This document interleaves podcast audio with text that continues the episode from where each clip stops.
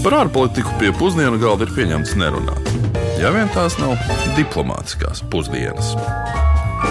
Labdien, godētie klausītāji un cienītās klausītājas! Jūs dzirdat raidījumu diplomātiskās pusdienas, un šodien mēs aplūkosim kādu ļoti slavenu un populāru valsti. Nu, diemžēl gan pēdējos 75 gados tā ir pazīstama ar visnotaļ bēdīgiem iemesliem. Un, ja šim raidījumam būtu nosaukums, tad tas visticamākais būtu valsts no traģiskuma uz traģikomiskumu. Varbūt jau nojautāt, runa ir par Korejas Tautas Demokrātisko republiku, jeb plaši pazīstamāku kā Ziemeļkoreju. Par brāļu valsti Dienvidkoreju, jeb Korejas republiku, mēs stāstījām pirms trim gadiem. Un to raidījumu mēs aicinātu noklausīties arhīvā ne tikai lai atsvaidzinātu atmiņas, bet arī tādēļ, ka abi raidījumi, tāpat kā abas valstis, ir savstarpēji viens otru papildinoši. Respektīvi, ja mums būtu iespēja, mēs droši vien uztaisītu vienu 30 minūšu raidījumu par vienotu Koreju, jo tik traģisks tieši ir arī šis stāsts. Nu jā, nu, ja par Dienvidkoreju trīs gadus atpakaļ sākot stāstīt, saucām dažādu pasaulē populāru kompāniju nosaukumus, lai radītu pareizās asociācijas, tad Ziemeļkorejas brendi, jeb zīmola laikam ir valdītāja Kimu dinastija un kodolieroču izmēģinājumi. Nu, tieši Kimu politiskās vardarbības pret pašu valsts iedzīvotājiem dēļ un arī nepārtraukto draudu Dienvidkorejai, Japānai un nepārsteidzoši arī ASV dēļ Nu, mēs varbūt zinām šo valsti vairāk nekā dažas citas šajā reģionā. Nu, Kīmi. Nu, jā, te uzreiz jāpiemina, ka korejiešu uzvārdu raksta un sauc pirmo un, un tikai tad vārdu. Nu, jā, un precīzi. Un Kīmi, kuri ir valdījuši Ziemeļkorejā, ir trīs. Kims ir sens, kurš valdīja no valsts izveidošanas 1948. gadā līdz savai nāvei 1994. gadā. Otrs bija viņa dēls Kims Čenīrs, kurš valdīja oficiāli līdz 2011. gadam. Un visbeidzot runa ir arī par par šā brīža diktatoru Kimu Čuninu Čenunu.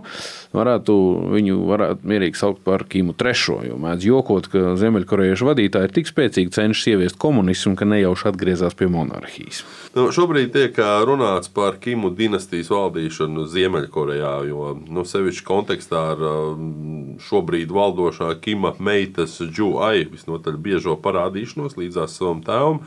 Arvien aktuālāks kļūst diskusijas par to, ka varas mantošana varētu notikt arī nu, vēlreiz. Un patiesībā vēl vairāk tā saucamā Pektu kalna asins līnija sāk iegūt monarhistiskas aprises ar vien vairāk. Jo Kimi sāk sevi asociēt ar visas Korejas vēsturē tik būtisko leģendāro un mītisko Dangunu. Un tiek uzskatīts, ka ka viņ, tieši viņš ir Korejas valsts dibinātājs 2333. gadā pirms mūsu ēras. Bet nu gan ko par Ziemeļkoreju zinās stāstīt mūsu Rīgas ielās satiktie klausītāji, to tūlīt paklausīsimies. Ar ko jums asociējas Ziemeļkoreja? Diktatorši, līderis, vadītājs, viss slikti. Cilvēki ir ļoti kontrolēti un viņiem ir ļoti savas kā, sistēmas Nu, Ziemeļkoreja visi zina. Kāds diktatūra, komunisms, nabadzība. Kimčinin. Totalitārais režīms, komunisms ļoti smagā formātā. Ne ar ko labu. Idioti. ja godīgi, tad nezināmais, negodīgi, ļaunprātīgi izmantošana. Nu, viss sliktās, ko tur izdomāt par vienu to valsts. Slēgtā valsts ar pilnīgu apmātību kādā tiek turēti cilvēki tur, bet ļoti skaisti cilvēki, vizuāli, ļoti krāšņos tērpos. Vispār par Ziemeļkoreju ir, neskatoties uz noslēgtību, diezgan daudz bijis dažādu vizuālo stāstu un arī citādu stāstu. To, ko dokumentālās filmas un tā tālāk, ko rādīja tur YouTube vai ko var publiski pieejamā, tā informācija man liekas nedaudz sagrozīt no, no, no rietumu puses. Jā. Var redzēt tās propagandas, kas spēlē šajā un tajā pusē. Jā. Tur ir labāk nekā mēs gribam to domāt. Tad nav tik slikti. Tā ir doma. Protams, es nekādā veidā neatbalstu tirāns vai tā, Kimus un tā tālāk. Korejas valsts vēsture ir gandrīz 4,5 tūkstoši gadu sena, bet Ziemeļkorejas vēsture tikai 75 gadus sena. Ziemeļkorejas traģiskā izcelšanās lielā mērā ir saistīta ar kaimiņu valsts centieniem kontrolēt visu Korejas pussalu. Nu, piemēram, Japāņu uzvara pār Krievijas impēriju 1905. gadā noveda pie Korejas nonākšanas Japānas pārvaldībā. Vēlāk arī pilnīgā aneksijā. Pēc Japānas sakāves 1945. gadā Korejas pusēla tika sadalīta starp PSRS un ASV līdz ar slaveno 38. paralēli. Krievija, protams, savu ietekmi atguva kā PSRS, uzspiežot Korejas ziemeļdaļai komunismu ideoloģiju, kamēr ASV lika Korejas dienviddaļai attīstīties kapitālismu ceļā. Nu, vēl vairāk, PSRS un Ķīna mudināja un atbalstīja Ziemeļkorejas uzbrukumu Dienvidkorejai 1950. gadā, kas pārvērtās par trīs gadus ilgošu karu ar gandrīz trījiem miljoniem bojā gājušo un relatīvi mikroskopiskām teritoriālām izmaiņām. Nu, izmaiņas gan bija ģeopolitiski ļoti būtiskas, un uh, līdz ar 38. paralēli tika izveidota demilitarizēta zona. Uh, agrākā demarkācijas līnija ar gadiem kļuva par nu, faktisku valstu robežu un arī vienas tautas sadalījuma simbolu. Abas puses kādu dienu cer apvienoties, bet nu, neviena īsti negrasās atteikties no savas sistēmas, ko uzskata par pareizību. Šobrīd 250 km garās robežas šķērsošana ir iespējama faktiski tikai vienā punktā. Un, ja kopumā šī demilitarizētā zona ir 4 km plata, tad šajā nu, robežu šķērsošanas vietā faktiski abu valstu karavīri stāv vistuvāk viens otram. Jā, nu šis gan nemaina situāciju, ka ir atklāti četri tuneļi, un tiek reiķināts, ka varētu būt vēl apmēram 20 citus, kurus Ziemeļkoreja ir rakusi zem demilitarizētās zonas, lai varētu iesūtīt karavīru Dienvidkorejas teritorijā. Un Korejas demilitarizētajā zonā var atrast gan pretanku barjeras nu, sienas, gan mīnu laukus, gan elektriskos žogus un dzeloņdrāts, respektīvi jebko, kas atturētu vai vismaz aizturētu kājnieku un sauszemes tehnikas robežu pārkāpšanu jaunu kara gadījumā. Jā, bieži vien saka, ka šī demilitarizētā zona ir pati militarizētākā pasaulē.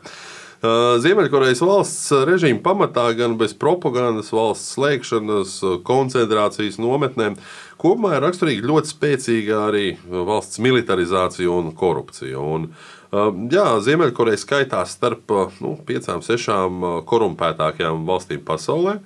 Tādēļ par to, kāda ir korupcijas funkcionālā nozīme nedemokrātiskos režīmos, Mēs šoreiz vaicājām pastāstīt mums um, korupcijas novēršanas un apkarošanas biroja galvenajai inspektorai Sintijai Helvigai Eihvaldei. Ir dažādi pētījumi par korupcijas fenomenu nedemokrātiskās valstīs. Tomēr kopumā tai tiek pievērsta daudz mazāka uzmanība nekā demokrātijās. Protams, ka tas ir saistīts ar datu pieejamību, preses brīvību, nevalstisko organizāciju brīvu darbību Visi šie ir tie faktori, kas ļauj iegūt objektīvu informāciju par situāciju konkrētajā valstī. Principā daudzas totalitāras valstis kontrolē korupcijas līmeni, lai nodrošinātu sev efektīvu un izdevīgu valsts pārvaldi. Tādējādi nekas nenotiek bez augstākās elites ziņas, un arī pati kontrole ir atkarīga tikai no tās. Protams, ka var mazināt tā saucamo sīko korupciju, bet eh, tās korupcijas formas, ar kurām valdošā elite nodrošina savu eksistenci, tās gan paliek. Kā visplašākais juridiski saistošais pretkorupcijas instruments ir jāpiemina apvienoto nāciju organizācijas pretkorupcijas konvencija. Konvencijas statusu ir atzinušas 189 pasaules valstis, kas ir gandrīz visas ANO dalību valstis. Ziemeļkoreja gan nav atrodama starp tām, bet starp šīm valstīm, kuras vismaz teorētiski ir atzinušas korupciju kā fenomenu, pret kuru ir nepieciešams vērsties, ir tādas valstis kā Somālija, Lībija, Turkmenistāna, Jemena un citas. Protams, ka mēs varam diskutēt par to, cik daudz no konvencijas prasībām ir ieviests reālajā dzīvēm Tomēr fakts ir tāds, ka starp šīm dalībvalstīm ir arī tādas, kurās pastāv totalitārs režīms. Es apgalvotu, ka korupciju var uzskatīt par neatņemamu militāro diktatūru un totalitāru režīmu sastāvdaļu. Tās izpausmes veids gan varētu būt atšķirīgs, bet vienmēr par labu valdošajai elitei. Bet tagad tomēr jāpieskars ir uh, kara ekonomikas jautājumam, vai kara un ekonomikas jautājumam. Iepriekš esam raidījumos aplūkojuši tos tikai garām ejot, nu, saiknes ar abiem diviem. Un uh, Ziemeļkorejas valsts ir viens no labākajiem šiem pētījumu objektiem, ko aplūkot. Respektīvi, Ziemeļkorejas mērķiecīgie virzībai uz kodoloriečiem ir bijis ne tikai drošības, bet arī ekonomiskais pamatojums. Nu, attiecībā uz drošību visnotaļ skaidrs, ka Ziemeļkoreja ir, nu, jau tā teikt, paranojas mocīta valsts. Un, tā par jebkādu cenu vēlas saglabāt savu patstāvību starptautiskajā politikā.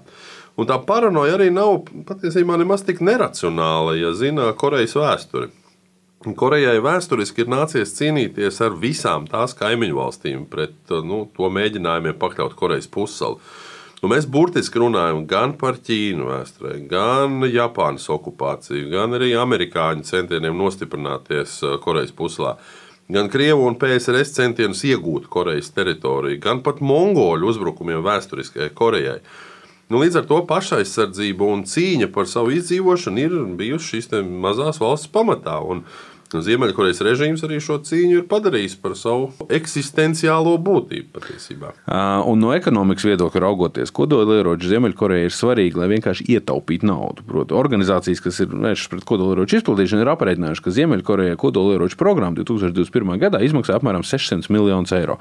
Un tas ir tas esot pats zemākais kodolieroču programmas izmaksu cenrādes starp visām deviņām kodolvalstīm. Un, ja mēs runājam par izmaksām, tad uh, valstī, kurai skaitās ceturtā lielākā armija pasaulē, izmaksas, protams, ir milzīgas. Ja mēs tā skatāmies, tad uh, aptuveni 30% uh, iedzīvotāji ir iesaistīti militārajā sektorā, uh, tostarp dažādos paramilitāros grupējumos, uh, rezervistos, aktīvajā dienestā, nu, dažādās formās. Tā kā šis skaidrs ir vienkārši milzīgs. Nu jā, uz 26 miljoniem iedzīvotāju 1,2 miljoni ir aktīvajā militārajā dienestā. Mēs paskatāmies, tad ASV salīdzinājumam ir 1,3 miljoni. Um, Ziemeļkorejas aizsardzības budžets arī tiek rēķināts, ka veido apmēram ceturto daļu no visa valsts reālā iekšzemes koprodukta un ap 4 miljardiem eiro tas ir. Un, uh, mēs ar saviem 2,5% no IKP aizsardzības budžetam esam ļoti maziņi salīdzinājumā. Nu, vienlaicīgi mēs esam arī ļoti bagāti salīdzinājumā. Jo, kā jau veiklākie matemātiķi iespējams saliek kopā, tad Ziemeļkorejas visa ekonomika ir apmēram tāda paša izmēra kā Latvijas. Un atšķirība gan ir 13 kārtīgi iedzīvotāju skaita ziņā, un arī IKP uz vienu iedzīvotāju 13 reizes mazāks nekā Latvijas. Un tagad noteikti jāņem vērā, ka Ziemeļkoreja ļoti slēpj savu budžetu, iekšzemes koproduktu apmērs, kā arī citu statistiku. Tādēļ nu, aprēķini var atšķirties un bieži vien ir visnotaļ aptuveni. Um, Ziemeļkorejas ārpolitikas dēļ valstī gan ir ļoti grūti normalizēt ekonomiku. Nu, ne tikai pašu izolacionisma politika, bet arī ārvalstu sankcijas, um, neprasmīgā plānveida ekonomika, arī Covid-19 sekas jau aplūkotā korupcija, kas plaukst un zeļ, um, ārvalstu investīciju nu, faktiski gandrīz vai neesamība un gandrīz simtprocentīga atkarība no Ķīnas, kā arī smagi neražas gadi lauksaimniecībā. Un, nu, kas nemaz svarīgi pašu valdošā režīma arī zvērības pret saviem iedzīvotājiem. Tie visi ir tikai daži no iemesliem, kāpēc nu, valsts pašlaik ir nu, ļoti, ļoti bēdīgā stāvoklī. Jā, nu man reizēm šķiet, ka stāsts Covid-19 pandēmijas sākumā visvairāk parāda valdošās elites apsēstības izraisīto traģikomiskumu. Atcerieties, bija savulaik ziņa, ka Ziemeļkoreja paziņoja, ka veiksmīgi novērsus Covid-19 pandēmijas izplatīšanos savā teritorijā, jo nošāvus pirmo pacientu, kas tika diagnosticēts. Nu, tas šausmīgākais laikam ir tas, ka Ziemeļkorejas valsts pārvaldes raksturs un ekonomiskā situācija pat īsti neļauj noteikt, vai šī ziņa bija melns joks vai arī visnotaļ ticams reāls notikums. Lai cik būtu paēdis, vienmēr ir vieta arī desertam. Par dažādām Ziemeļkorejas dīvainībām un arī šausmu stāstiem mēs dzirdam uh, visai regulāri, un um, tas attiecās arī uz tevis iepriekš stāstīto. Bet praktiski mēs nekad nedzirdam neko labu par Ziemeļkoreju. Un, uh, nu, ņemot vērā arī mūsu jau aplūkoto Ziemeļkorejas valsts pašaizsardzības centienus, tad Šodien mēs parunāsim par ko tādu, kas ir korejiešu un ir arī veselīgs. Proti, desertā mums šodien būs pašaizsardzības sports un arī cīņu māksla. Un kā daudz jau droši vien nojauš, tad runa ir par taekwondo. Dienvidkorejas, Dienvidkorejas oficiālais uh, nacionālais sports un cīņu māksla, un kopš 2000. gada arī olimpisko un paralimpisko uh, spēļu katalogā iekļauts.